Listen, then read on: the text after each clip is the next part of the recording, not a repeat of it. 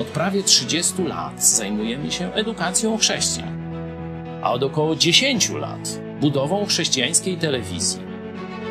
Bóg dał nam ogromne błogosławieństwo. W lutym 2016 roku z garstką wierzących rozpoczęliśmy projekt codziennego nadawania na żywo komentarzy społeczno-politycznych, w których wiążemy to, co dzieje się w kraju i na świecie, z prawdami i proroctwami Biblii. Odzew zaskoczył i codziennie zaskakuje każdego z nas. Już w pierwszym roku nadawania naszej telewizji o Nowe Testamenty poprosiło ponad 2000 osób. Wielu nawróciło się do Jezusa i poprosiło o chrzest. Kilkadziesiąt chrztów miało także miejsce w Wielkiej Brytanii, Stanach Zjednoczonych i Kanadzie. Ludzie, którzy przyszli do nas, pochodzą w zdecydowanej większości z niewierzącego świata, a nie z istniejących już zborów. Zorganizowaliśmy ich w grupy biblijne i kościoły córki, które dzisiaj gromadzą każdego tygodnia setki osób w całej Polsce i za granicą. W najbliższych planach mamy założenie chrześcijańskiego liceum, szkoły biblijnej i na tej bazie chrześcijańskiego uniwersytetu. Kurs pilotażowy Historia Kościoła w ramach szkoły biblijnej zaczęliśmy już w tym roku. Bóg dał nam też niesamowite błogosławieństwo finansowe. Nie korzystamy z żadnej pomocy pieniężnej państwa ani kościołów z zachodu, a jednak każdego miesiąca ponad tysiąc naszych widzów wpłaca ponad 80 tysięcy złotych na funkcjonowanie telewizji Idź Pod Prąd. Chwała Bogu. Nie mówię tego, by się chwalić czy wywyższać, ale by pokazać wymierne dowody niezwykłego Bożego działania i błogosławieństwa.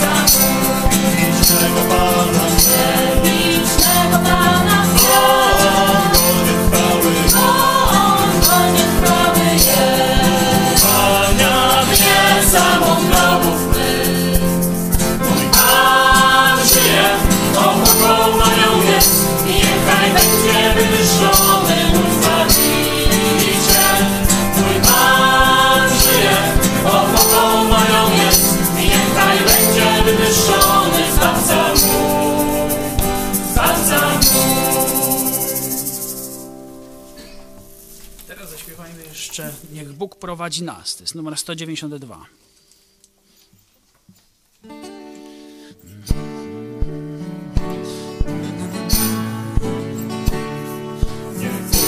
Prowadzi nas Jego armia, zbawień idzie w plan. Dziś walki nadszedł czas, zwycięstwa są pisane nam. Do boju dzisiaj wzywa nas ten sam, co zawsze drogi Pan. Jak jeden mąż światłów towarzyszy nam. Do boju dzisiaj wzywa nas ten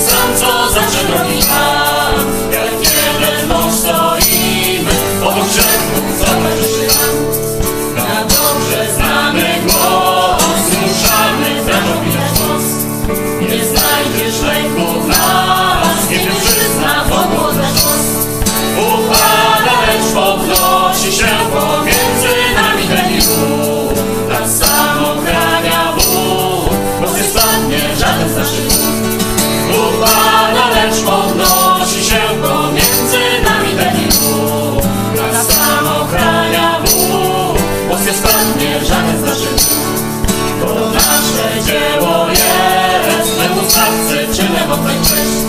Gdy boju przejdzie chrzest, świat pójdzie braciom ze Alleluja, zwycięży znów nieliczny przeciw Boży lud. Kto z wiarą słowo zacznie, temu zawsze błogosławi Bóg. Alleluja, zwycięży znów nieliczny przeciw Boży lud. Kto z wiarą słowo zacznie, temu zawsze błogosławi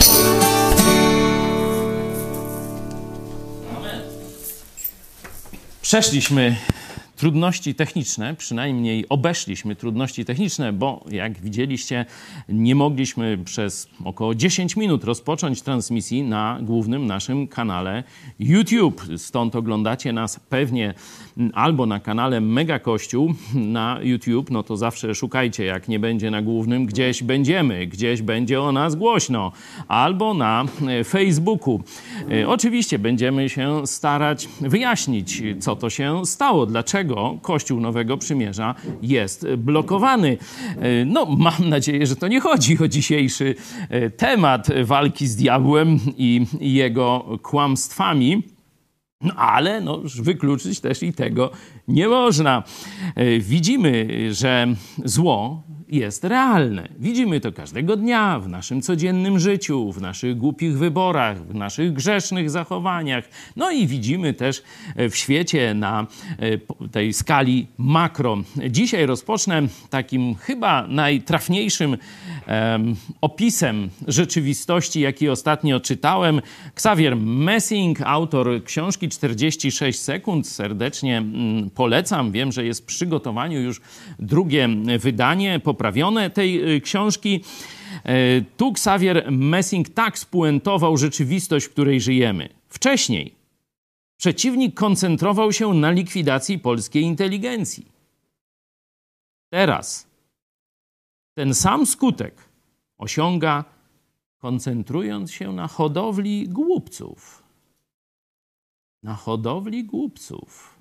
Oczywiście chodzi o media mm, społecznościowe. Ja to nazywam takim uroczym hasłem Mietek kontra masoni. E, to właśnie się dzieje wśród Polaków, ale nie tylko, bo to się dzieje niestety na całym świecie. Stąd generał Mili bardzo jasno, tu z perspektywy Xavier Messing, y, sprawy wywiadowcze, sprawy służb specjalnych, ekspert w tej dziedzinie.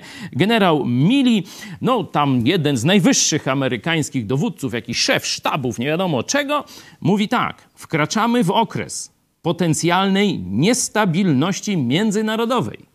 I to, co się teraz dzieje, porównał z upadkiem Imperium Rzymskiego, że to wtedy chaos zapanował w całym cywilizowanym świecie.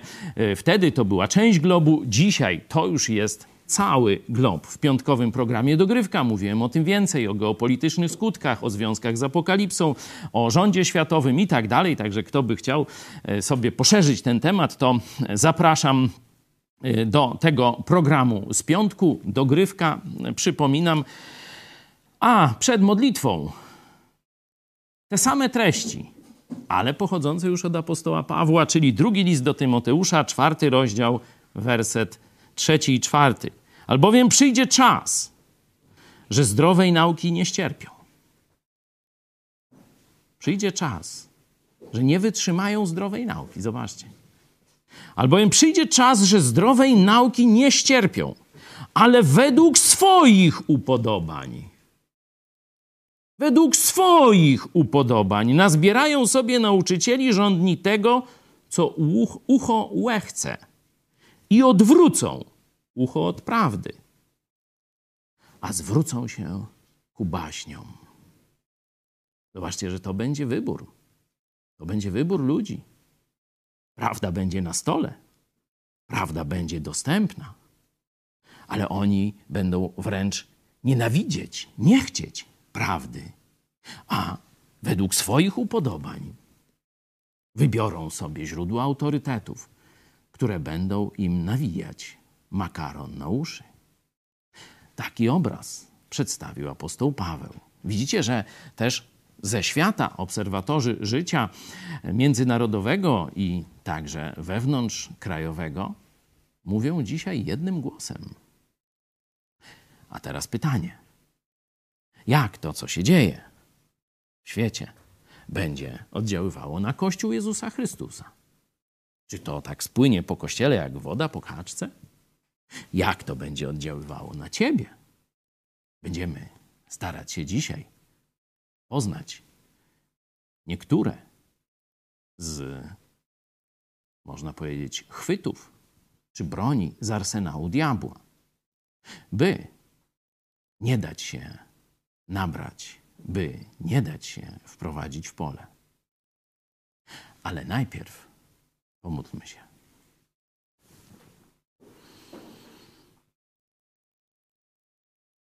Kochany Panie Jezu, dziękujemy Ci, że jesteś z nami na zawsze, że jesteśmy w Twoim ręku i zły nie może nas wyrwać. Nic, nikt, nigdy, ani teraz, ani w przyszłości nie może nas wyrwać z Twojej ręki. Niech Ci będzie chwała w naszym sercu, w naszym życiu, w naszej służbie, w służbie Kościoła, w którym jesteśmy. Prosimy Cię, abyś chronił nasze umysły przed kłamstwem, abyś dawał nam miłość do prawdy, abyśmy zawsze za nią chcieli iść. Prosimy Cię, byś rozświetlał drogę przed nami, byśmy widzieli, co wybierać w tym trudnym czasie, byśmy umieli się w tym gąszczu kłamstw, zasadek, pod, zasadzek, podstępów i podłości ludzkiej, żebyśmy umieli, umieliśmy się rozeznać i szli za Tobą. Daj nam w naszych uszach jasno słyszeć Twój głos, by Twoje słowo było rzeczywiście latarnią dla naszych stóp, byśmy nie tylko sami się nie zgubili, ale byli też światłem dla tych, którzy szukają drogi wyjścia z tego chaosu, w którym żyjemy. Prosimy Cię, nasz Panie, Zbawicielu i Pasterzu.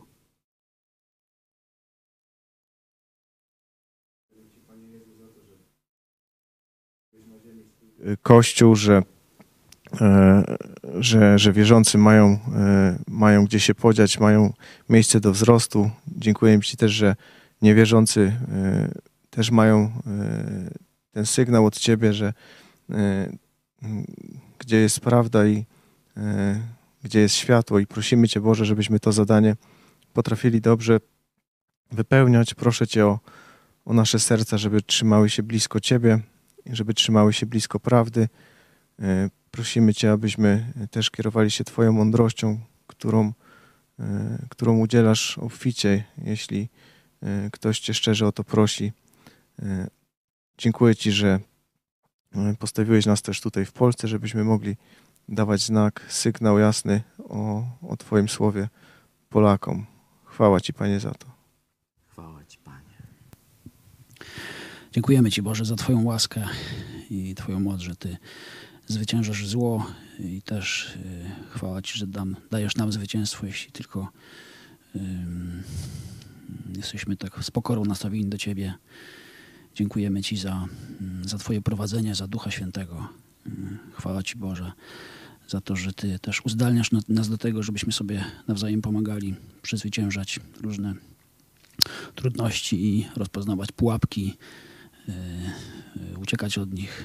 Też, y, I też prosimy Cię, Boże, o to dzisiejsze spotkanie, żeby tu odbywało się bez żadnych przeszkód technicznych. Daj powołuj siłę i pomóż nam wszystkim wyciągnąć jak najlepsze wnioski do zastosowania w życiu, by mocniej dla Ciebie świecić i iść Twoją ścieżką. Prosimy Cię, Boże. Amen. Amen.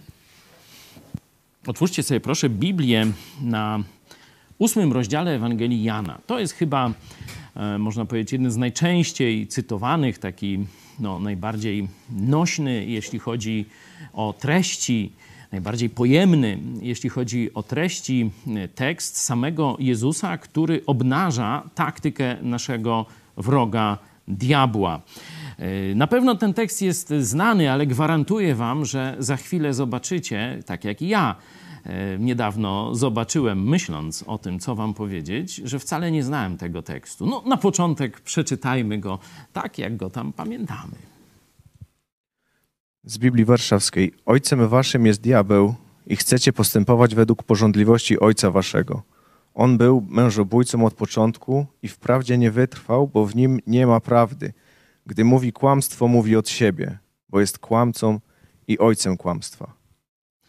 Dzięki.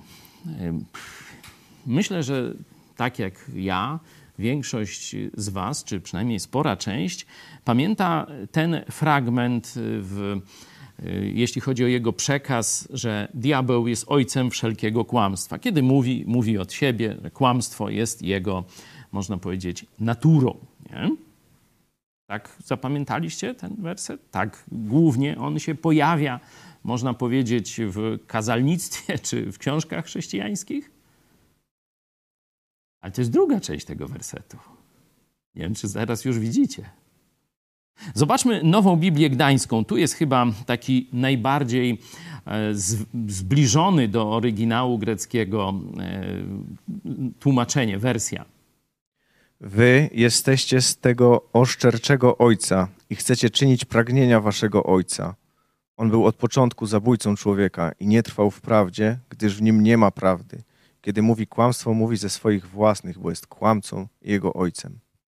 Dzięki.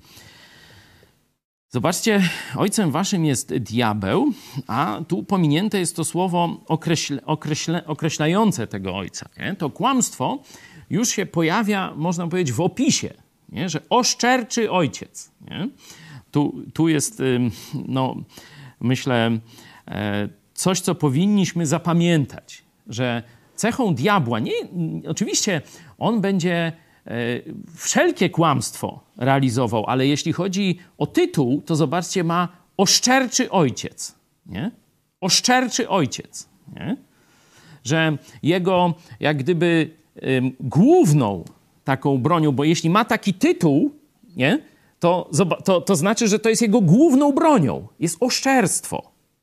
Kiedy byśmy ostatnią księgę Biblii, też Jana, Apokalipsę wzięli i zobaczyli tytuł diabła, to co tam znajdziemy? Pamiętacie? Oskarżyciel braci. Oszczerstwo, złączcie razem te tytuły.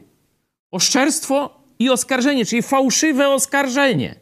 To jest cecha diabła. Wręcz takie imię on nosi. Oszczerczy ojciec albo oskarżyciel braci. To jest... Ym, 12 zdaje się rozdział e, Księgi Apokalipsy. Nie będziemy teraz czytać, ale możecie tam sobie to sprawdzić, że taki właśnie tytuł diabła tam jest. Czyli ze wszelkich kłamstw, bo diabeł jest y, ojcem wszelkiego kłamstwa, tym, co najbardziej cechu, cechuje diabła, to jest oszczerstwo wobec braci. Oszczerstwa wobec braci. To jest jego główne, główne, można powiedzieć, imię, główna cecha, która sprawiła, że Bóg nadał mu takie imię. Nie? No już wiele zastosowań. Zobaczcie, jak można z tego zrobić. Niektórym może się wstyd trochę nawet zrobić, no ale to tak ma być, tak ma być. E, Jeśli ktoś mm, grzeszy, jeśli ktoś mm, rzuca oszczerstwa, powinien się wstydzić. Tak? To, to jest słuszne zastosowanie. Ten smutek jest od Boga, jeśli z tego wyjdzie dobry owoc nawrócenia, dobry owoc zmiany, a nie tylko jakiegoś tam biczowania czy chwilowego. Ojej, rzeczywiście tak trochę kłamie mm, i trochę tam rzucam oszczerstwa i różne rzeczy, ale jutro zrobię to samo i tak dalej. No to to nie jest smutek od Boga. Ale tu jest jeszcze coś, co unika naszej y, uwadze, kiedy ten tekst wspominamy. Zobaczcie, co jest cechą diabła od początku. Widzicie? Mężobójcą to tak trochę dziwnie. Zabójcą człowieka. Jest zabójcą człowieka.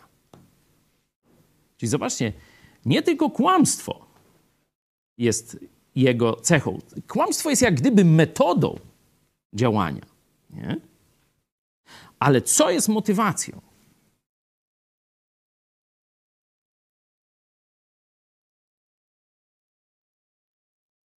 No, można powiedzieć nienawiść albo brak miłości. Zobaczcie, kiedy Jezus mówi, ja jestem dobry pasterz, swoje owce kocham, daję swoje życie za nie i tak dalej.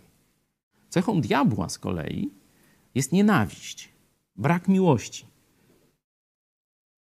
Zobaczcie, że kłamstwo jest tylko, można powiedzieć, skutkiem tego. Kłamstwo- jest metodą, ale najpierw jest nienawiść, najpierw jest brak miłości. Czyli diabeł będzie cię prowadził do tego, byś nie kochał braci. Pamiętacie, jak Jezus opisuje czasy ostateczne, czy tuż, można powiedzieć, przed swoim powrotem? Miłość, pamiętacie? Wielu, co zrobi? Oziębnie. To jest działanie diabła. Widzicie? Tego nie zauważałem w tym tekście. Myślałem, że on jest tylko o kłamstwie. A on jest przecież o czymś jeszcze bardziej fundamentalnym, bo to kłamstwo wypływa z nienawiści. Zastępujesz w swoim sercu miłość do braci nienawiścią i zaczynasz pluć jadem. Proste jak dwa razy dwa. To nie jest tak, że kochasz kogoś i go oczerniasz. To nie jest tak, że kochasz brata czy siostrę i kłamiesz na jego temat. To nie jest tak. To jest niemożliwe. Mógłbyś powiedzieć nieprawdę, nie wiedząc nie? w miłości. Ale kiedy świadomie oczerniasz, kiedy świadomie kłamiesz, to musiałeś wcześniej coś zrobić. To musiałeś wcześniej podjąć decyzję. A to, co z Twoich ust się wylewa, jest tylko owocem. Nie? Z obfitości serca mówią usta. I tym korzeniem jest brak miłości. Korzeniem kłamstwa jest brak miłości. Gdybyś kochał, to byś nie kłamał. Proste jak dwa razy dwa. Diabeł nienawidzi człowieka, dlatego kłamie o człowieku. Dlatego jest oszczercą, dlatego jest oskarżycielem braci. I dokładnie to samo stanie się z tobą, jeśli porzucisz miłość do Boga i miłość do braci. Bo pamiętaj, jeśli mówisz, że kochasz Boga, a nienawidzisz braci, to to właśnie jest jedno z kłamstw diabelskich. To w liście Jana możesz sobie też e, przeczytać w pierwszym, ale o tym teraz nie będę mówił. Ważne, żebyśmy zapamiętali, że tak, podstawową metodą diabła jest kłamstwo, jest fałsz, oszczerstwo i tak dalej. Ale glebą, na którą pada skutecznie jego metoda, jest Twoje serce pozbawione miłości do Boga i braci.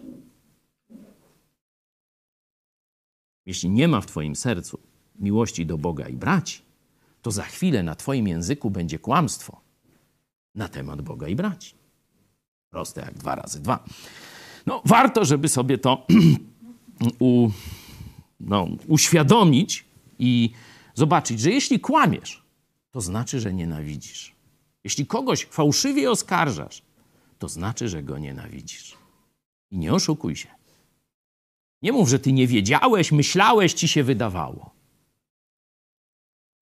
Czynisz oszczerstwo. Kłamiesz, składasz fałszywe świadectwo. Nienawidzisz swego brata i nienawidzisz Boga.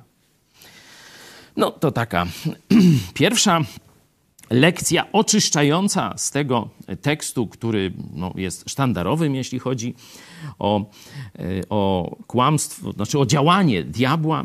Tu rzeczywiście już słyszałem też taką podpowiedź, że odrzucił prawdę, nie wytrwał w prawdzie.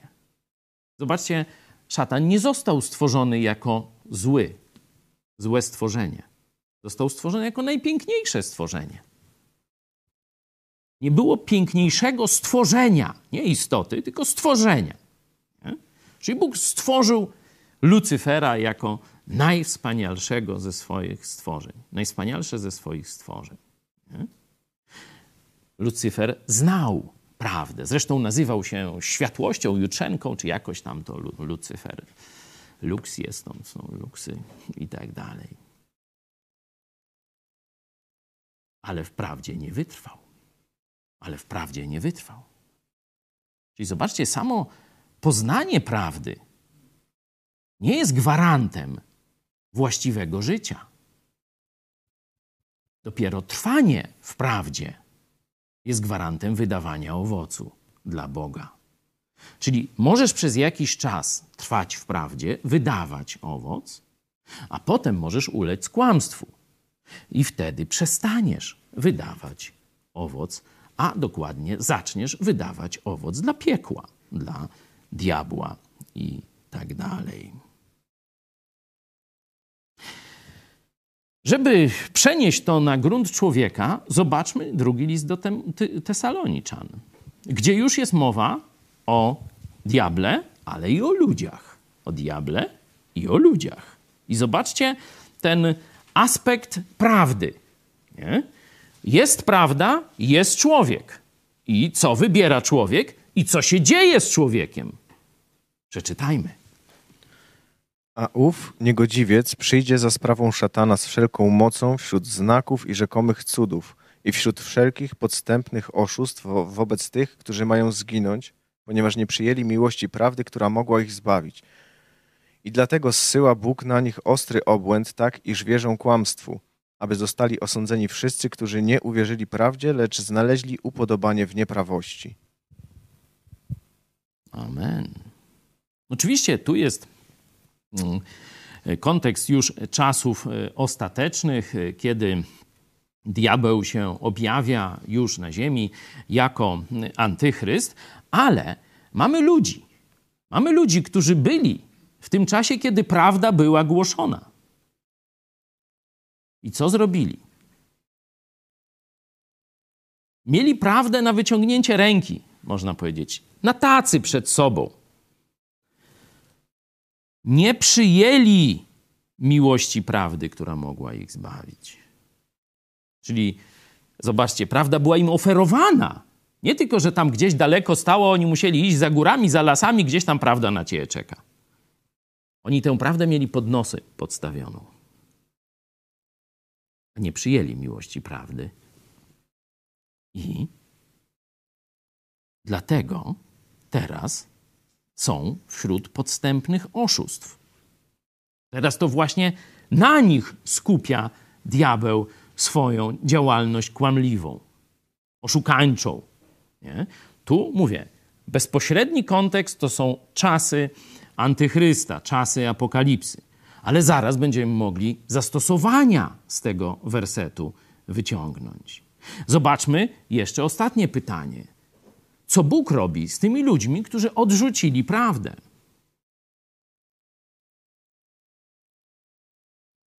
Widzicie? Jedenasty werset.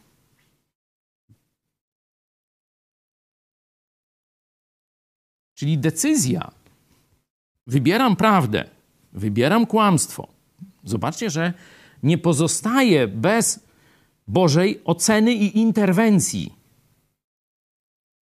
Kiedybyśmy wzięli 15 rozdział Ewangelii Jana, nie będę w to wchodził głęboko, ale tylko pokażę. Pamiętacie tam, co Bóg Ojciec robi z niektórymi tymi latoroślami?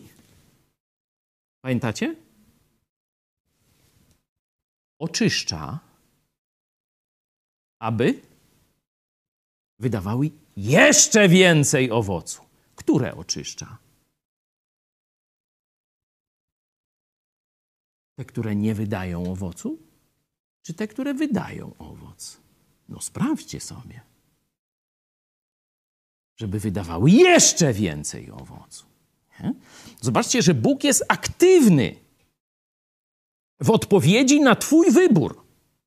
Jeśli Ty idziesz za prawdą, to Bóg jeszcze bardziej Cię uzdalnia do wydawania owocu.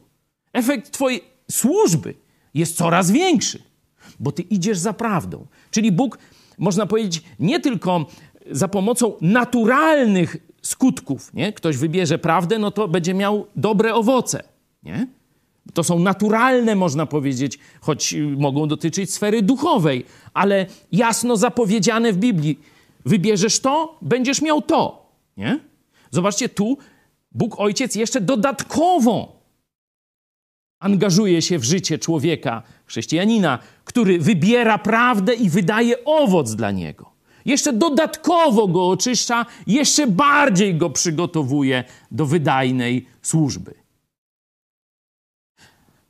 A co się dzieje z człowiekiem, który wybiera świadomie kłamstwo? Z uporem maniaka wybiera kłamstwo. Czy myślicie, że tu są tylko naturalne procesy?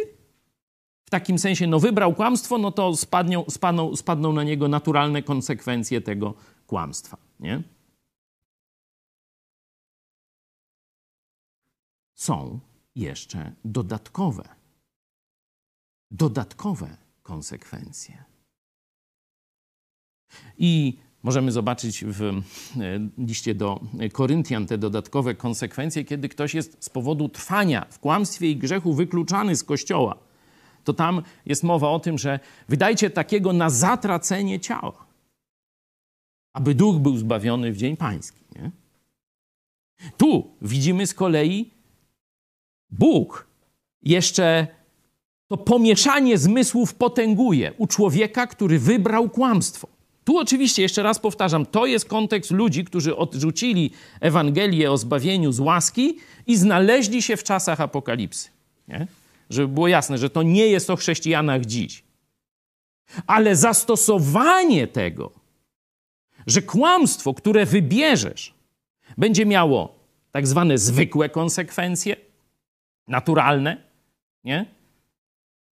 No, jakiś przykład, no ktoś mm, wyskoczy na główkę do pustego basenu. To przecież nie trzeba ani diabła, ani Boga, żeby łeb mu spuchł. Przynajmniej, nie? Rozumiecie, że to naturalna konsekwencja. Uwierzył kłamstwu, se skoczę, pomyślał, o tam na pewno jest woda, a nie była, nie sprawdził, albo a se skoczę, przecież Bóg mnie ochroni i na główkę wali. No uj, uj, uj. Jeśli jeszcze będzie mógł zawyć to, bo to będzie i tak pewna łaska. E, Bo, że tak powiem, może to się inaczej też skończyć. Nie? To oprócz tych naturalnych konsekwencji, diabeł zaczyna taniec kłamstwa, to widzieliśmy tutaj cudawianki, podstępne oszustwa, bo on już widzi, że ma człowieka, że tak powiem, otwartego na kłamstwo. To mu zwiększa dawkę. Wybierzesz jedno kłamstwo, będziesz miał zaraz wokół siebie przeróżnych kłamstewek całą, całą masę. Nie? I to widziałem naprawdę, jak ludzie mądrzy, porządni, wydawałoby się, wybierają jedno kłamstwo, a po miesiącu czy dwóch w ogóle nie możesz poznać człowieka. W jakiej o głupocie żyje, jakie bzdety opowiada, jak szkaradnie i podle się zachowuje. To aż myślisz, wow, no ale to jest właśnie to, co tu jest napisane. Czyli mamy konsekwencje naturalne wyboru kłamstwa. Oczywiście diabeł zaczyna działać, tańczyć swój taniec godowy wokół delikwenta. Ale zobaczcie, że i Bóg też coś robi. Bo Bóg chce pokazać, że prawda i kłamstwo to są dwa różne światy. Nie możesz pójść w kłamstwo bezkarnie. To będzie cię karcił, bo cię kocha.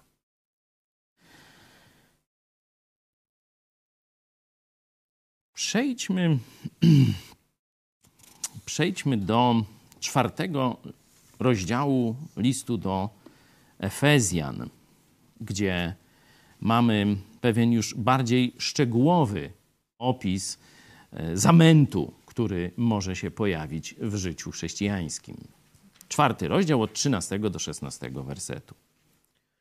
aż dojdziemy wszyscy do jedności wiary i poznania Syna Bożego, do męskiej doskonałości i dorośniemy do wymiarów pełni Chrystusowej, abyśmy już nie byli dziećmi miotanymi i unoszymi, unoszonymi lada wiatrem nauki przez oszustwo ludzkie i przez podstęp prowadzący na bezdroża błędu, lecz abyśmy, będąc szczerymi w miłości, wzrastali pod każdym względem w Niego, który jest głową, w Chrystusa, z którego całe ciało spojone i związane przez wszystkie wzajemnie się zasilające stawy, według zgodnego z przeznaczeniem działania każdego poszczególnego członka, rośnie i buduje siebie samo w miłości. Dzięki. Jasno jest przedstawiony cel w tym wersecie, czy w tych kilku wersetach. Jedność wiary i poznanie Syna Bożego, męska doskonałość i pełnia wymiarów Chrystusowych. Nie? Czyli pełne upodobnienie się do Jezusa Chrystusa. I zobaczcie, że to jest tekst, który ewidentnie mówi o wspólnotowym charakterze tej przemiany. Nie o pojedynczym, nie, nie mówi o jednym człowieku, że to się w nim dzieje, tylko to się dzieje we wspólnocie Kościoła. Nie? To myślę, że jest oczywista oczywistość. Możecie sobie sprawdzić też szerszy e, kontekst. Aż dojdziemy, to jest liczba mnoga, wszyscy i tak dalej. Czternasty werset z kolei pokazuje pewien niebezpieczny okres w życiu chrześcijanina. Przeczytajmy jeszcze raz ten czternasty werset. Abyśmy już nie byli dziećmi miotanymi i unoszonymi lada wiatrem nauki przez oszustwo ludzkie i przez podstęp prowadzący na bezdroża błędu. Jest czas w życiu chrześcijanina, kiedy on jeszcze nie jest w pełni uformowany, jeszcze nie jest w pełni wkorzeniony w Chrystusa, jeszcze w pełni nie jest upodobniony do Chrystusa, jeszcze nie osiągnął męskiej doskonałości. Jest dzieckiem, nie? Mniejszym, większym, ale dzieckiem jeszcze. Nie? I co jest cechą tego dziecka? Samo pozostawione wśród kłamstw. Zobaczcie, co się z nim będzie działo. Będzie mioto, miotany i unoszony lada wiatrem. Zobaczcie, nie trzeba będzie się więcej wysilać, żeby takiego młodziutkiego chrześcijanina zwieść. Zobaczcie sobie list do Galacjan. Paweł tam głosił Ewangelię, wspaniałe nawrócenia, cuda, wianki i tak dalej. Potem Paweł i jego zespół odjeżdżają. I widzicie, co się dzieje. Oni w innego Chrystusa, w inną Ewangelię, innego ducha. Jak szybko to się stało z całym Kościołem. Bo to były dzieci jeszcze w wierze.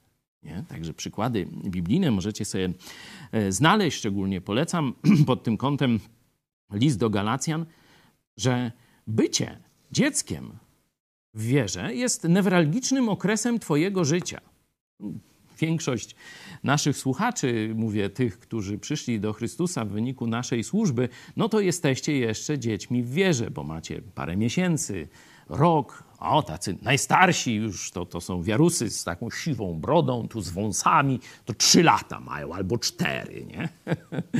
To wszystko jeszcze naprawdę nie są wielkie mecyje, nie? Owszem, kiedy już człowiek ma dwa, trzy lata w Chrystusie, no to już nie jest niemowlęciem, nie jest noworodkiem, ale jest jeszcze dzieckiem, można powiedzieć młokosem. Nie? Dlatego też, choć już umiecie sobie radzić z różnymi kłamstwami czy z częścią kłamstw, to dalej ta cecha, podatność na wiatry różnych nauk. Naprawdę widziałem to, jak byłem młodym chrześcijaninem i dziękuję Bogu, że mnie przez to przeprowadził. Wokół mnie. To był, wtedy jeszcze była katolicka grupa, ale już były tam silne wpływy zielonoświątkowe. Nie? No i pierwszy konflikt Wszyscy byliśmy młodymi chrześcijanami. Ja miałem parę dni czy tygodni, a tam inni mieli już powiedzmy 2-3 lata, tak jak wy teraz. Nie, już teraz wszystko wiemy, to wszystko nieprawda, co do tej pory mówili nam o tym i tak dalej, i tak dalej. No i poszli, i odeszli. I poszli na zielonoświątkowe manowce. I dzisiaj są praktycznie wszyscy rozbitkami w wierze z tamtej grupy. Wszyscy. Jeden fałszywy ruch w życiu. I później już nie wrócili na dobrą drogę do dziś. No może jeszcze wrócą, nie? No tam żyją po różnych miejscach, gdzieś się tam błąkają. Ale 30 lat żyją w kolejnych zachwytach i kolejnych rozczarowaniach jakąś nową teologią, jakimś nowym pomysłem, czy to local church, czy to jakiś lepszy zielonoświątkowy aspekt, czy z kolei jeszcze coś innego, już tam nie, nie śledzę wszystkich ich pomysłów. Cały czas jakieś nowinki teologiczne, zachwyty, rok, dwa, trzy, a potem znowu rozczarowanie, a potem znowu glebą, znaczy wiecie, o glebę przywalili. I tak dalej, i tak dalej. No to właśnie o tym mówi ten werset. Po to właśnie są nauczyciele i starsi w kościele, żeby pomóc wam ten trudny moment czy czas w życiu przetrzymać. Bo o ile niemowlak jest stosunkowo łatwy do pielęgnacji, dlaczego? Bo on wie, że jest niemowlęciem. On jest bezradny. On tylko czeka na mleko. Nie? I taki rzeczywiście opis też w Biblii znajdujemy. Zapragnijcie niesfałszowanego mleka i tak dalej, Słowa Bożego. Czyli pierwszy ten okres, tak jak w liście do Galacjan, te pierwsze tygodnie po nawróceniu, które z nimi apostoł Paweł spędzał, były proste. Ale potem dziecko zaczyna się przewracać na bok, potem zaczyna siadać, a potem zaczyna pierwsze kroki stawiać. A potem wydaje mu się, że jest maratończykiem. I to jest wasz problem dzisiaj. I to jest wasz problem dzisiaj. Uwierzyliście w swoje siły. No fajnie. Tylko wy jeszcze tych sił nie macie. Jeszcze dalej jesteście dziećmi w wierze. I dlatego, jeśli dzisiaj powiecie, w dupie mam to, co pastor mówi, bo ja wiem lepiej, to skończycie tak jak dwulatek, który próbuje się wybrać na maraton. No takie są reguły gry. Zarówno w życiu fizycznym, jak i w życiu duchowym. Jeszcze raz przeczytajmy ten werset 14. Abyśmy już nie byli dziećmi miotanymi i unoszonymi lada wiatrem nauki przez oszustwo ludzkie i przez podstęp prowadzący na bezdroża błędu. A teraz jeszcze pozwólcie, że przeczytam Wam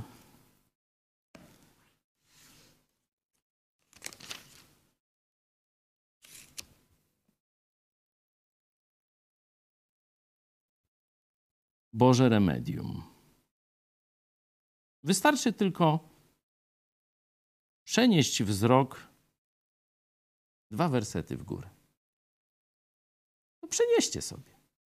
Żeby nie spaść na glebę, kiedy masz te dwa, trzy lata w Chrystusie i później marnować swoje życie na chodzenie na manowce, to Bóg dał ci ochronę. I on ustanowił jednych apostołami, drugich prorokami, innych ewangelistami, a innych pasterzami i nauczycielami, aby przygotować świętych do dzieła posługiwania, do budowania ciała Chrystusowego. Diabeł ci będzie mówić, że jesteś już tak mądry, tak silny, że żadnego kościoła, żadnych starszych, żadnych nauczycieli już nie potrzebujesz. No już to. Jak to się skończy, to już tam już powinieneś wiedzieć. Zresztą niektórzy na własnej skórze, niestety, sami błądząc innych w błąd wprowadzając, tego doświadczyli. No, człowiek jest wolny.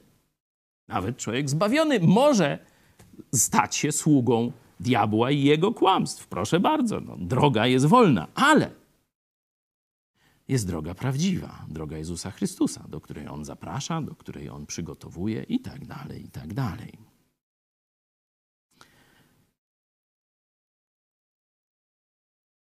Zobaczmy teraz Piotra, no bo to ktoś powie, że tylko, tylko tamtego Pawła eksploatuje, ale to nie moja wina, że on najwięcej napisał w Nowym Testamencie w listach. Noż to, to do Boga pretensje, nie do mnie. No ale jest też Piotr, nie? No, papież też tam coś ma do powiedzenia. Niewiele, ale jednak yy, no to dajmy głos pierwszemu papieżowi. Oczywiście wiecie, że no, co myślę o tym. Bądźcie trzeźwi, czuwajcie. Przeciwnik wasz diabeł chodzi wokoło jak lew ryczący, szukając kogo by pochłonąć. Przeciwstawcie mu się mocni w wierze, wiedząc, że te same cierpienia są udziałem braci waszych w świecie. A Bóg wszelkiej łaski, który was powołał do wiecznej swej chwały w Chrystusie, po, krótkotrwa- po krótkotrwałych cierpieniach waszych sam was do niej przysposobi, utwierdzi, umocni, na trwałym postawi gruncie. Obraz jest Kościół jako, jako jakieś stado, no, które można obejść, nie? E, Oczywiście e, diabeł nie może wejść w to stado, nie mo, znaczy w tym sensie nie może wejść i wyrwać, wiecie, dowolnej owcy z tego stada. Ale co diabeł może robić? Co robi?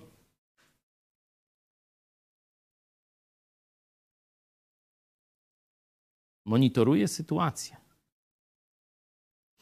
Nie jestem znawcą e,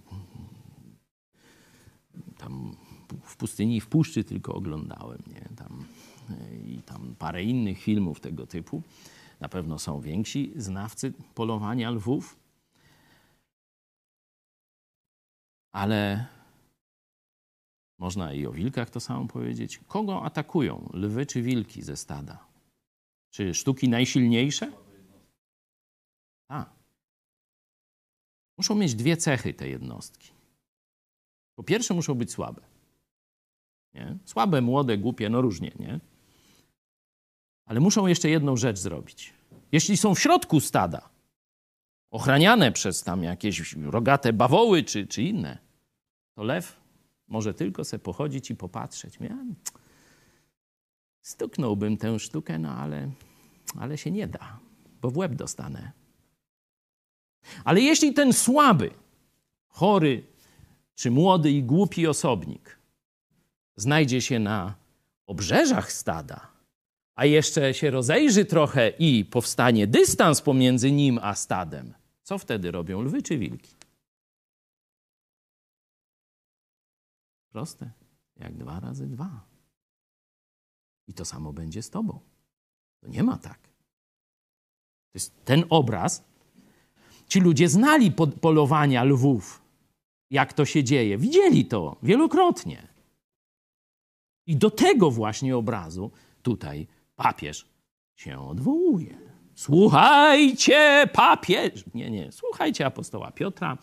To jest nauka apostolska, a papieże nie mają nic wspólnego z nauką apostolską, tak jak i cały Kościół rzymski, ale o tym to wiecie. To jest tylko jeden wielki pozór i zwodzenie.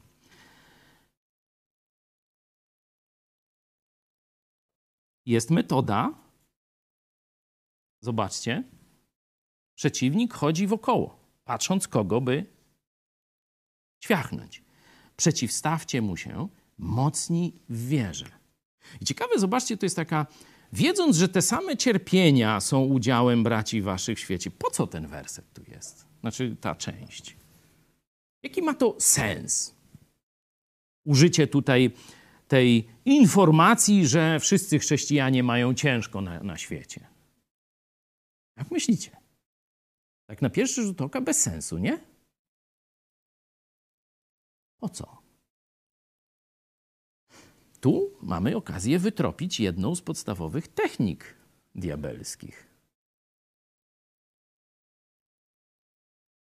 Żeby jaśniej e, zobaczyć tę, można powiedzieć, fałszywą narrację, otwórzmy sobie list Judy. Jest jedno strzałowiec, znaczy jednorozdziałowiec, nie? Zdaje się, że werset szesnasty, zobaczcie. Są Tam jest to, o fałszywych nauczycielach. Jaka jest ich charakterystyka? W jaki sposób ludzi podchodzą? są to ludzie biadający nad losem swoim, kierujący się swoimi porządlo, porządliwościami. Usta ich głos, głoszą słowa wyniosłe, a dla korzyści schlebiają ludziom. Pierwsza cecha. Biadający nad swoim losem, czyli użalający się nad sobą, starający się wzbudzić litość u innych. Oczywiście mające, mający techniki manipulacji za pomocą słodzenia.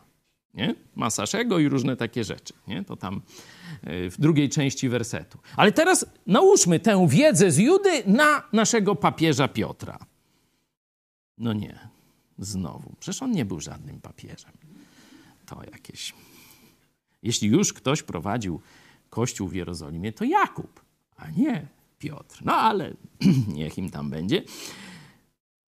Zobaczcie, przeciwstawcie mu się mocni w wierze, wiedząc, że te same cierpienia są udziałem braci waszych w świecie.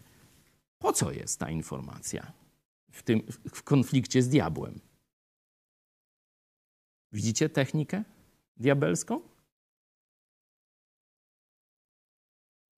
Jesteś najbiedniejszy w świecie. Nikt się tobą nie interesuje. Los twój najcięższy we wszechświecie. Kościół nieczuły. Pozwól, że cię przytulę. Noż to tak właśnie. Zobaczcie, jaka prościutka y, technika, noż obnażona, majty ściągnięte, no powinniście już wiedzieć, żeby się nie poddawać takim myślom. Nie poddawaj się takim myślom. Bóg nie pozwoli, aby na Twoich barkach czy na moich wylądował ciężar ponad miarę. Ale zawsze, w każdej sytuacji da Ci pomoc i wyjście. Nie? To list do Koryntian. Też możecie sobie tam przeczytać, ale zostawiamy. Czyli użalanie się nad sobą, koncentracja na swoich trudnościach, na swoich cierpieniach i można powiedzieć apoteoza ich, że ja to mam najgorzej. Nie. Inni mają tak samo źle. A Chrystus cierpiał tak, że żaden z nas nie ma nawet szans dorównać tym cierpieniom. A jednak wytrwał w prawdzie, jednak zwyciężył. W Jego mocy ty możesz dokładnie to samo zrobić. Niezależnie, jakie cierpienia Bóg dopuści w Twoim czy w moim życiu. Wiem, że to trudne, ale nikt nie powiedział, że prawda będzie łatwa. Łatwe to jest kłamstwo i użalanie się nad sobą i różne takie bzdety. Dobra, mówiliśmy o czasie chaosu. Gdzie pójdzie, gdzie pójdzie w tym momencie, jeśli ktoś chce niszczyć, nie? jeśli chce wprowadzić zamęt na ogromną skalę. Pamiętacie? Tu zacząłem od tego, co powiedział Xavier Messin. Kiedyś chcieli zabić przywódców. Teraz hodują głupców. Ale czy myślicie, że przywódców pozostawią w spokoju? Oczywiście te dwa, te dwie metody się nie wykluczają. Czyli teraz y, w sytuacji wojny, w sytuacji dezinformacji światowej, zalewu kłamstwa,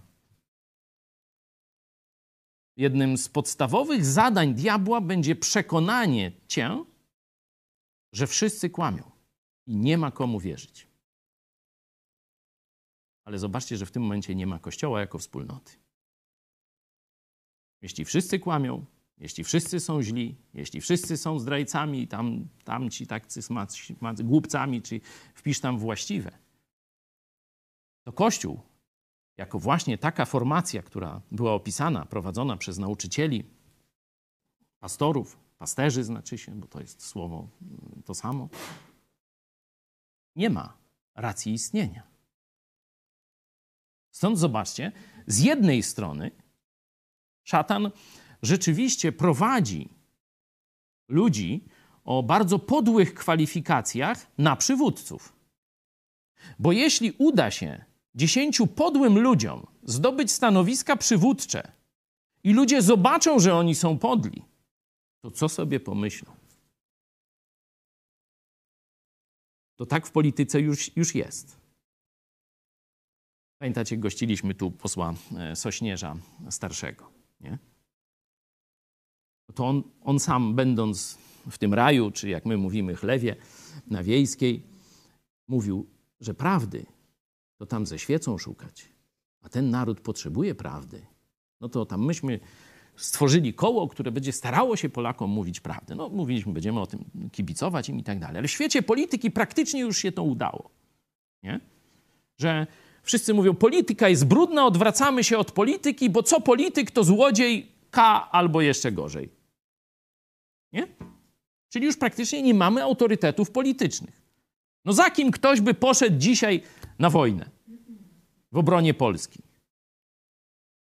Tak jak kiedyś śpiewali na stos, rzuciliśmy i z nami drogi wódz. Pokażcie mi takiego. Za kim byś poszedł na wojnę dzisiaj za Polskę? Za Kaczyńskim? Za Tuskiem? Może za Pawlakiem? O, za Kwaśniewskim.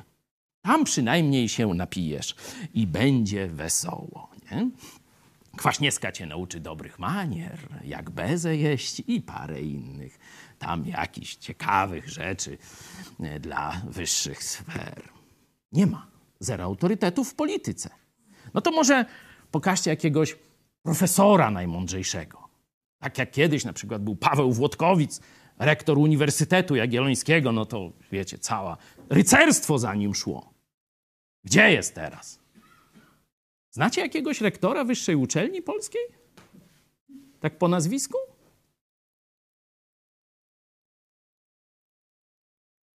Ja trochę oblatany w polityce, ale jakbym dzisiaj miał tak, jak na spowiedzi powiedzieć, to nie znam. Naprawdę. Są jacyś, paru profesorów znam, ale kto jest czyim rektorem, znaczy kto jest rektorem jakiego, nawet nie wiem, kto jest rektorem UNCS-u normalnie. Kiedyś to wiedziałem, ale no, taki spec od kanalizacji. ale to, no, no, wiedziałem, ale też czym pochwalić się nie było. No. A teraz nie wiem nawet. Czyli zobaczcie, kiedyś profesor albo rektor, no to był człowiek, który prezydentem mógł zostać. Nie? Mościcki, nie? Narutowicz. Kolejne pokazuje pulę autorytetów, z której kiedyś mogliśmy jako naród korzystać, zarówno w czasach Jagieły, jak i w czasach naszych pradziadków czy dziadków. A dzisiaj mi pokażcie. Rektora jakiegoś uniwersytetu, który mógłby stanąć na czele Polski jako autorytet moralny, polityczny, czy tam nie wiem jaki jeszcze. Jest jakiś? Słyszeliście? Granty. Panie, granty dali! Tam za rogiem granty dają! Czym to się różni? Od promocji w jakimś hipermarkecie. To jest stan nauki polskiej. No ale dobra, to inny, kazanie na inny temat. No gdzie szukać? No może jest ksiądz katolicki jakiś bez skazy. Ksiądz Tadeusz. Wodzu prowadź! Na budżet! Żebyśmy się nachapali ile wlezie. Może biskup Jędraszewski? No pamiętacie Kurskiego? I ten ślub z Kaczyńskim. To biskup Jędraszewski to cudzołóstwo prowadził. To on na to pozwalał. W łagiewnikach. Niby świętość Polaków. To tam się to i tutaj działo. Wszyscy widzieli. No na naszym kanale tam, nie wiem, ze 100 tysięcy albo więcej widzów oglądało, jak o tym mówiłem. Gdzie są autorytety katolickie? Który stanie? Nie ma ani jednego. Zobaczcie, Polska nie ma żadnych autorytetów. Żadnych. Na skalę całego narodu. No i teraz, oczywiście, możemy też to pokazać w kościołach protestanckich. Będzie to samo. A jeśli się który pojawi, to trzeba go zniszczyć oszczerstwami. No to jest. Bo przecież nie może się pojawić, nie? Dogmat jest naszych czasów, czasów zamętu i kłamstwa. Nie można wykreować, nie może wyrosnąć żaden autorytet. Każdy trzeba zgnoić. Noż to gnoją na różne sposoby. Ważne, żeby chrześcijanie pamiętali, jakie jest pseudo diabła? Pierwsze tam? Oszczerca. No to sobie zapamiętaj. Apostoł Paweł, znowu do niego wrócimy. Widać, że już zażywał, można powiedzieć, tych przyjemności bycia duchowym przywódcą. Ile kalumni na Pawła powiedziano, no to można sobie przeczytać pierwszy list do Koryntian, list do Galacjan i będziecie mieli całe listy. Nie? Ale później przygotowuje już Tymoteusza, kolejne pokolenie chrześcijan. Mówi, jak sobie z tym radzić. Tak, przywódcy będą pod ostrzałem. Przywódcy też będą grzeszyć. To nie znaczy, że przywódcy są, wiecie, bez grzechu i tak dalej. Ale jak sobie radzić, żeby przywódca nie poległ w walce z oszczerstwami czy z, z zarzutami? No tuż zobaczmy. Pierwszy list do Tymoteusza, werset 19, piąty rozdział. Przeciwko starszemu skargi nie przyjmuj, chyba że jest ona oparta na zeznaniu dwóch albo trzech świadków. Wielokrotnie już to tłumaczyłem. Nie chodzi o to, że trzeba w sposób uprzywilejowany traktować przywódców czy starszych. Przeciwko nikomu nie przyjmujemy skargi, dopóki nie jest ona oparta na zeznaniu dwóch albo trzech świadków. Nie? To proces dyscyplinarny, możecie sobie przeczytać. W Ewangelii Mateusza jest jasno opisany. Ale teraz utarło się, że na przywódcach można psy wieszać, oczerniać ich i różne brzydkie rzeczy robić bez zachowania tej drogi. I to trzeba z kościoła wyplenić. Zrobił coś złego przywódca? Trzeba go ukarać. I ten tekst dalej o tym mówi. Tych, których grzeszą z kolei karć wobec wszystkich. Nie? Ale jeśli przyjdzie jakiś zwiedzony przez diabła brat do ciebie i będzie mówił oskarżenia przeciwko twojemu pastorowi, to co masz zrobić?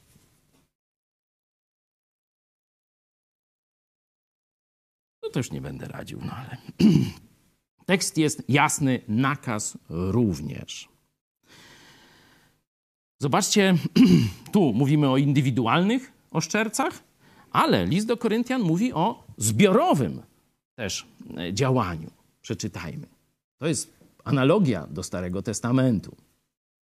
Jak Mojżesz prowadził Izrael. Ani nie szemrajcie, jak niektórzy z nich szemrali i poginęli z ręki niszczyciela.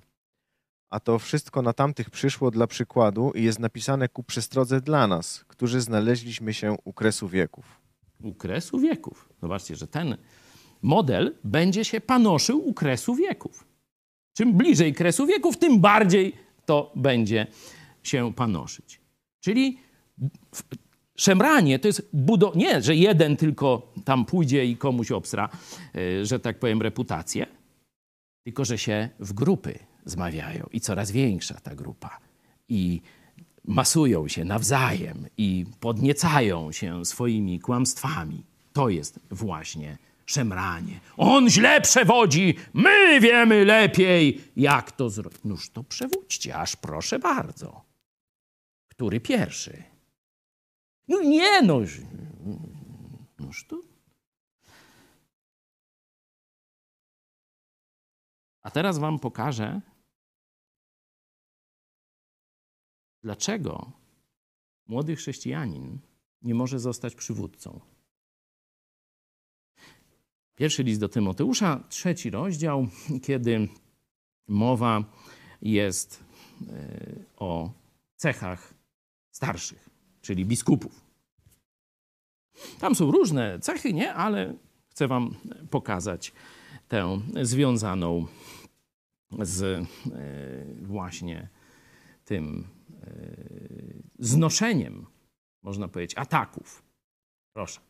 A powinien też cieszyć się dobrym imieniem u tych, którzy do nas nie należą, aby nie narazić się na zarzuty i nie popaść w sidła diabelskie. Na czym polegają tutaj sidła diabelskie? Jak sobie to wyobrażać? Jaki jest związek przyczynowo-skutkowy tej cechy?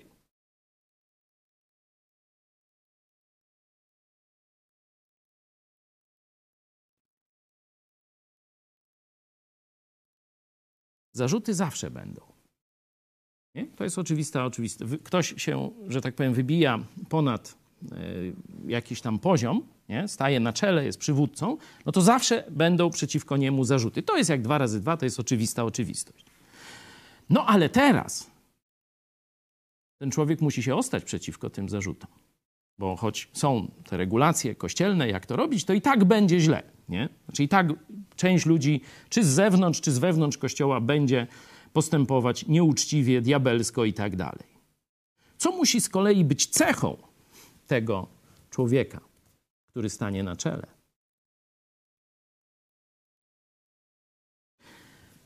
Po pierwsze, czystość życia. Inaczej mówiąc, będą szukać haków, ale nic nie znajdą. Będą się czepiać, ale to będą bzdety. To nie będzie nigdy żaden konkret. Będą zdradzać. To będzie bolało. Ale ten człowiek musi być silny. Zobaczcie, gdyby jego życie moralne było nie w porządku, to teraz przyjdą te zarzuty, bo przyjdą zawsze na przywódców. To jest oczywista oczywistość.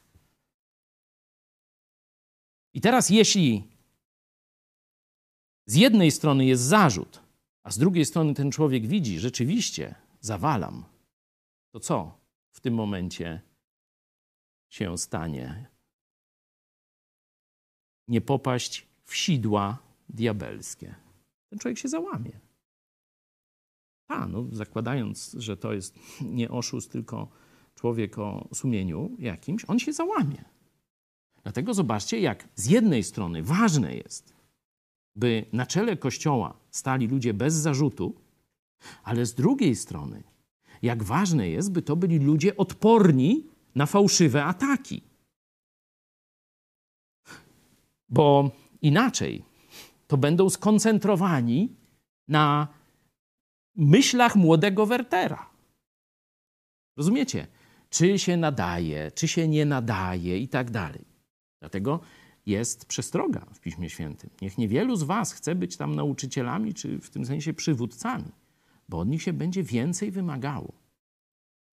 Ale kiedy już jest człowiek, który rzeczywiście te cechy spełnia, to pamiętaj, żeby nie przystępować do frontu diabelskich oszczerców. Nie? Dzisiaj to się nazywa hejterami. Co na koniec? Na koniec tych technik weźmy jeden z najbardziej kluczowych tekstów, czyli kuszenie samego Jezusa. Tu zobaczymy też parę diabelskich pomysłów. Wtedy duch zaprowadził Jezusa na pustynię, aby go kusił diabeł. A gdy pościł czterdzieści dni i czterdzieści nocy, wówczas łaknął. I przystąpił do niego kusiciel i rzekł mu: Jeżeli jesteś synem Bożym, powiedz, aby te kamienie stały się chlebem. A on odpowiadając rzekł: Napisano, nie samym chlebem żyje człowiek, ale każdym słowem, które pochodzi z ust Bożych. Wtedy wziął go diabeł do miasta świętego i postawił go na szczycie świątyni. I rzekł mu: Jeżeli jesteś synem Bożym, rzuć się na dół. Napisano bowiem: Aniołom swoim przykaże o tobie, abyś nie zranił o, kam- o kamień nogi swojej. Jezus mu rzekł: Napisane jest również: Nie będziesz kusił Pana Boga swego. Znowu wziął go diabeł na bardzo wysoką górę i pokazał mu wszystkie królestwa świata oraz chwałę ich. I rzekł: To wszystko dam ci, jeśli upadniesz i złożysz mi pokłon. Wtedy rzekł mu Jezus: Idź precz, szatanie, albowiem napisało: Panu Bogu swemu pokłon oddawać i tylko jemu służyć będziesz. Wtedy opuścił go diabeł, a aniołowie przystąpili i służyli mu. Amen. Przypominam, że to duch zaprowadził Jezusa na ten test. Nie? To pamiętacie, wieczorami w poniedziałki i wtorki mamy e, czytanie Ewangelii Mateusza wspólne i niedawno ten tekstśmy tam omawiali. I to jeśli ktoś chce, może sobie też tam e, zajrzeć, co wtedy mówiłem. Dzisiaj staramy się chwyty diabelskie, e, że tak powiem, obnażyć i przygotować się na nie, no bo nakaz y, biblijny jest, czy fakt biblijny, jaki ma cechować chrześcijan, że te chwyty diabelskie mają nam być dobrze znane. Nie tylko, że kiedyś coś słyszeliśmy, mają być dobrze znane, nie? żeby nas przeciwnik nie zaatakował, nie pokonał. Spróbujmy więc po kolei te trzy kuszenia przeanalizować pod tym kątem. Jaki chwyt zastosował diabeł w pierwszym kuszeniu? Zobaczcie, że we wszystkich tych e, kuszeniach jest taka fraza: jeżeli jesteś, znaczy w pierwszych dwóch, w pierwszych dwóch jest, nie? W, w trzecim nie ma, przepraszam, nie we wszystkich. Czyli zobaczcie, że szatan będzie kwestionował Twoją pozycję w Chrystusie nie? przez zastosowanie, przez analogię. Nie? Jeśli już widzisz taką myśl, czy naprawdę jesteś dzieckiem Bożym, czy naprawdę Jezus jest Twoim pasterzem, czy naprawdę Jezus jest dobrym pasterzem, to już wiedz, że to jest, że tak powiem, diabelskie kuszenie, to są myśli od diabła, to nie są Twoje myśli. To diabeł ci je pokazuje. Nie? No ale to zostawmy i najpierw pierwsze kuszenie. Powiedz, aby te kamienie stały się chlebem.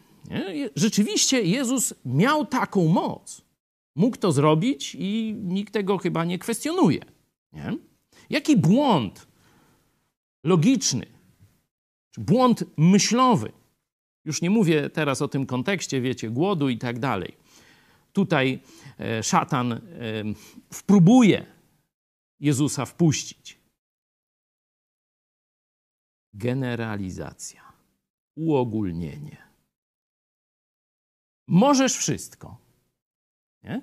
Zobaczcie, Jezus, choć mógł to zrobić, to powiedział, że rzeczy mają ograniczenia, że pewne zasady funkcjonują w jakimś polu, które ma granice. na tym polu panuje taka zasada, a na tym już inna. Albo ta zasada panuje, dopóki nie wejdzie w konflikt z inną zasadą. Nie? Tak jak mówimy, gdzie się kończy moja wolność? No tam, gdzie się zaczyna twoja. Nie? E, Proste jak dwa razy dwa, nie? że zasady mają ograniczenie. Nie można powiedzieć, wszystko mi wolno. A on mówi, tak, wszystko mi wolno, ale ja się nie dam niczemu zniewolić. Czyli jeśli mi wolno coś robić, ale jeśli to mnie zniewala, to ja tego nie będę robił. Nie? I tak dalej. Czyli fałszywa generalizacja. Zobaczcie, nawet Biblią można w ten sposób manipulować. I wielu ludzi to robi. Często to słyszę i muszę sprowadzać was.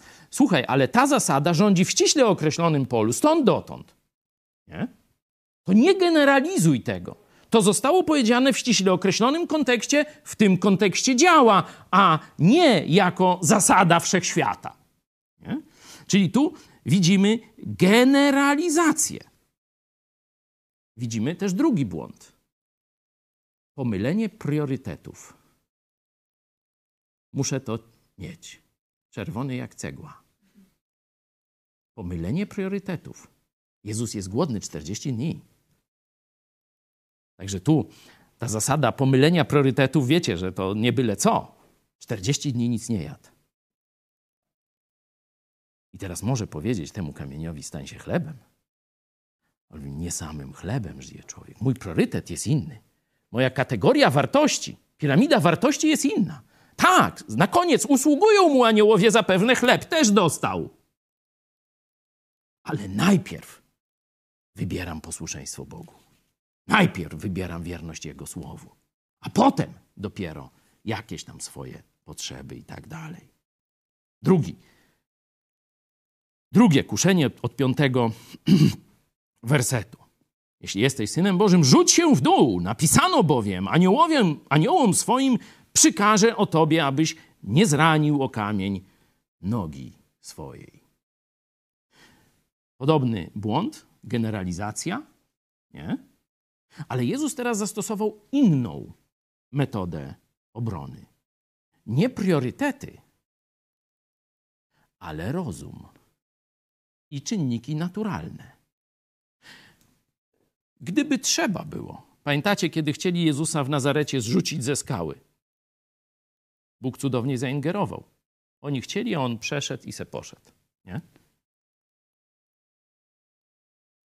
Ale tu mógł sobie zejść schodami na dół, a nie skakać na główkę ze świątyni. Czyli była inna droga zrealizowania tego celu, żeby się znaleźć na dole. I Jezus znał tę drogę i ją wybrał. Czyli zobaczcie, błąd stosowania, tu kolejna, kolejny fałszywy potrzebt. Kiedy mamy do dyspozycji przez Boga dane naturalne rozwiązania sytuacji, to nie żądajmy cudu w tym momencie. Dopiero jak po ludzku rzecz biorąc, nie ma szansy. Wtedy wołajmy o cud. Czyli kiedy umiesz sobie ukroić, a chleb stoi dwa metry, leży na desce i umiesz sobie chleb ukroić, to nie módl się, Boże, stoliczku nakryj się. Tylko do roboty i se ukrój. Jak chcesz sobie masłem posmarować, też możesz. Szynkę no nie będę wchodził, bo to Paweł. Dziękuję przy okazji pastorowi Machale, że tydzień temu troszkę powiedział o tych szynkach, tam masełkach i różnych takich rzeczy. To odsyłam e, tydzień temu do nauczania. Dobra. Trzecie kuszenie. Tu już rzeczywiście, zobaczcie, atak jest już frontalny. To już nie jest tam jeżeli i tak dalej. Dam ci to wszystko. Czyli sukces po ludzku.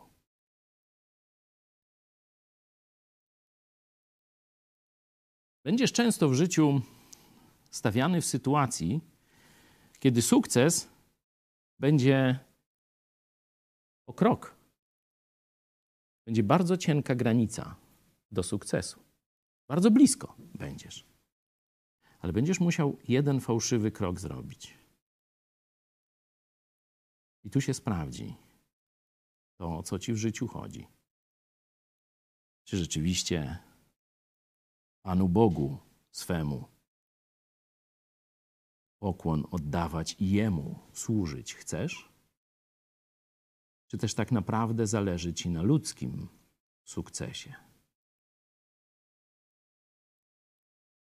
Diabeł Ci pokaże.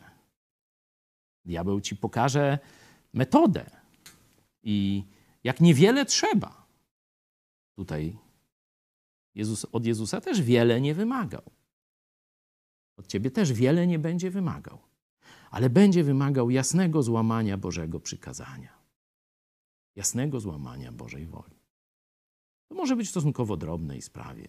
Zdradzić przyjaciela, oszukać ludzi. No coś tam, świat się niby nie zawali. Jeśli to wybierzesz, no to wiedz, że nie osiągniesz tego sukcesu, o którym mówił Jezus Chrystus, wydaniu wspaniałego owocu na Jego chwałę i przeżywanie obfitego, szczęśliwego życia. Będziesz na zawsze skażony tym fałszywym wyborem i wyrzutami sumienia. Ten sukces ludzki nie da ci żadnej radości. Wielu, wielu ludzi poszło złą drogą. Różnie, zwykle źle skończyli. Znaczy, wszyscy źle, niektórzy tragicznie. Dlatego lepiej się zastanowić wcześniej. No, mam nadzieję, że troszeczkę pogimnastykowaliśmy się z tymi technikami diabelskimi. Jeśli byście chcieli więcej, bo chrześcijanie naprawdę dużo na ten temat myśleli pisali, to dla trochę młodszych czytelników jest taka, e, taka książka no, kanon, można powiedzieć, literatury angielskiej, chrześcijańskiej, Bunyan. Jak to, droga czy pielgrzyma? Jaki jest polski tytuł? Pilgrzym, słucham? Wędrówka pielgrzyma.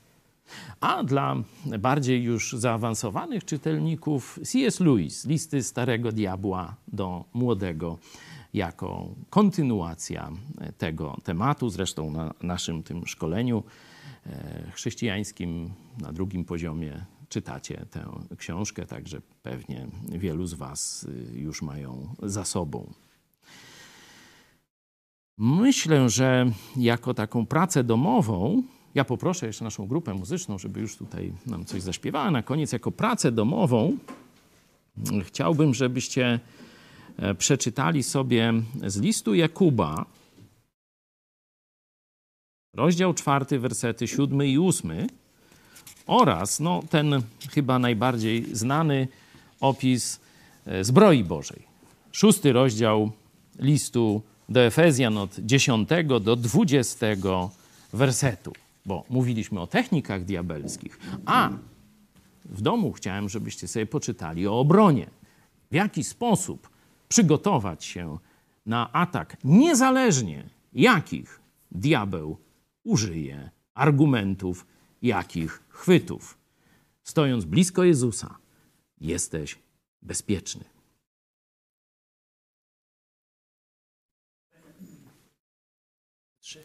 Zacznijmy od pię- numer 58. Boże, Ty jesteś mocą i zbawcą duszy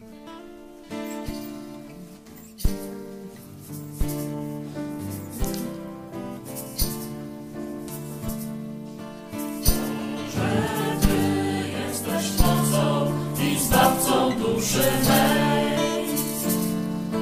Boże, Ty jesteś mocą i zbawcą duszy mej. Prowadź mnie, Panie, ścieżką Twoich przekazań, szlakiem Twoich praw. Tyś mi, mój Panie, tarczą walce z szatanem,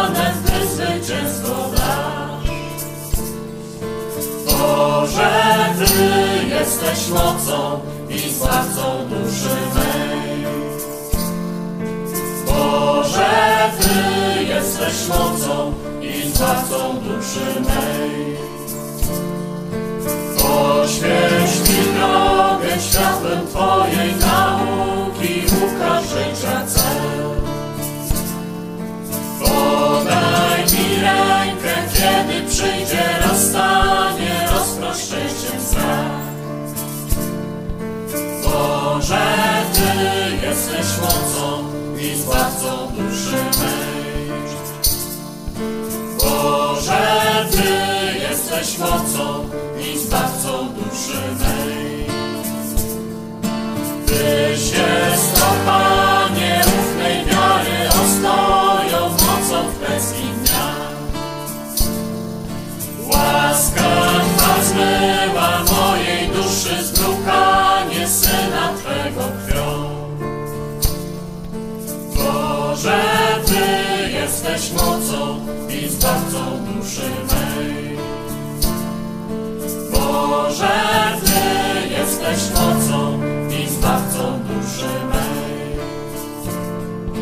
Boże, Ty jesteś mocą i zbawcą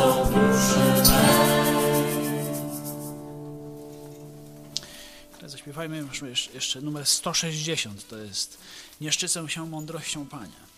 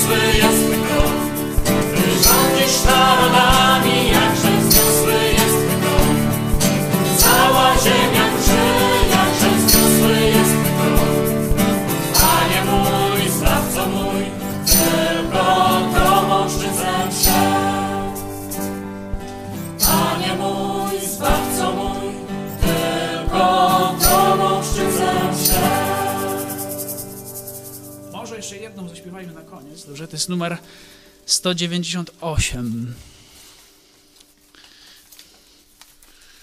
Już podam. E, Coś, zaraz, zaraz, bo mi się coś... To jest za, naprzód patrz, biegiem marsz.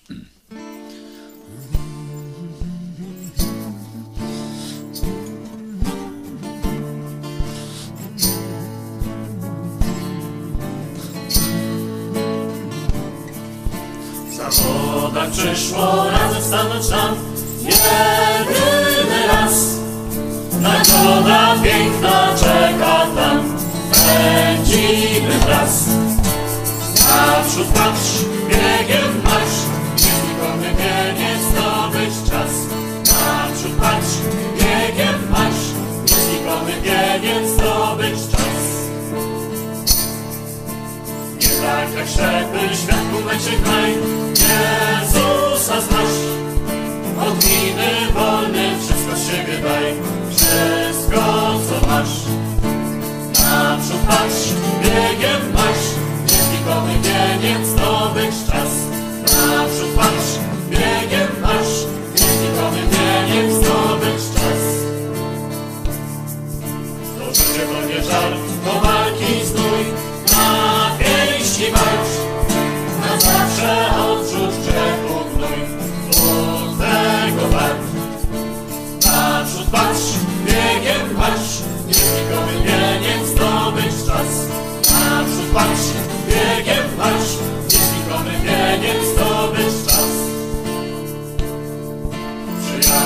biegu na noci, na wiele lat.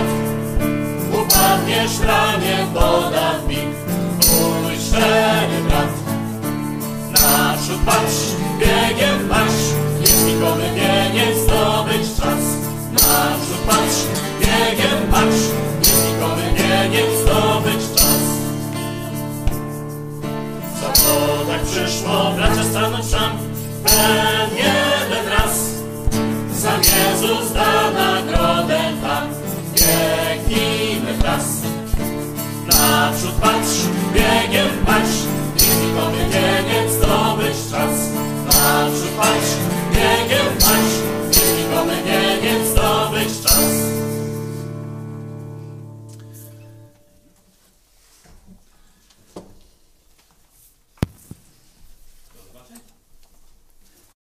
Jeśli jesteś chrześcijaninem, masz otwarte oczy. Ale teraz masz wybór.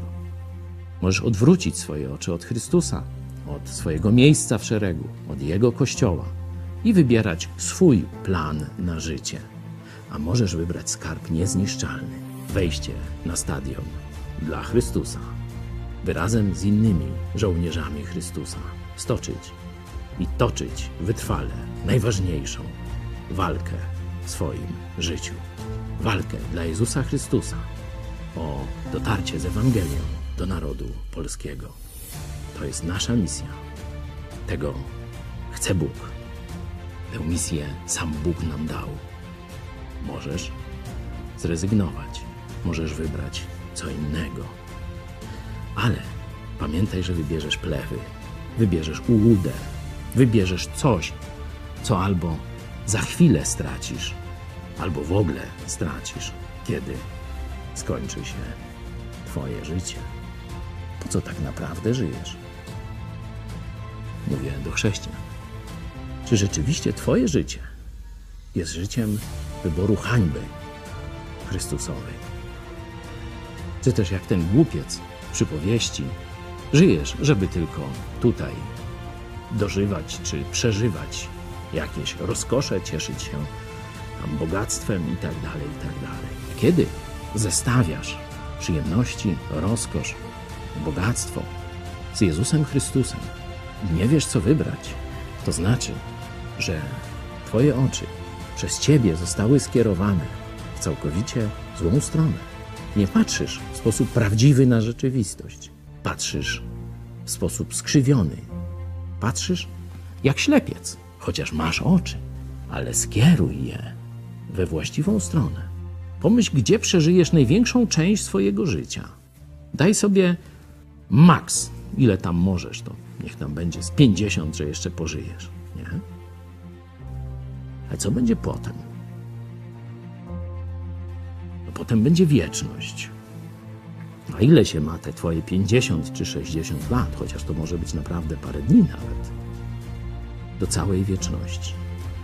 Zobacz, jakie to jest głupie, że ty wybierasz tymczasową rozkosz, bogactwo, władzę, popularność, co tam sobie wstaw. I stawiasz na szali jakość twojego życia w niebie. Nie bycie w niebie, bo niebo nie jest za zasługi, nie? ale jakość twojego życia w niebie, czyli na nagrodę w niebie. Bóg potrzebuje żołnierzy, nie kibiców. Bóg potrzebuje sportowców w tym wyścigu, a nie kibiców.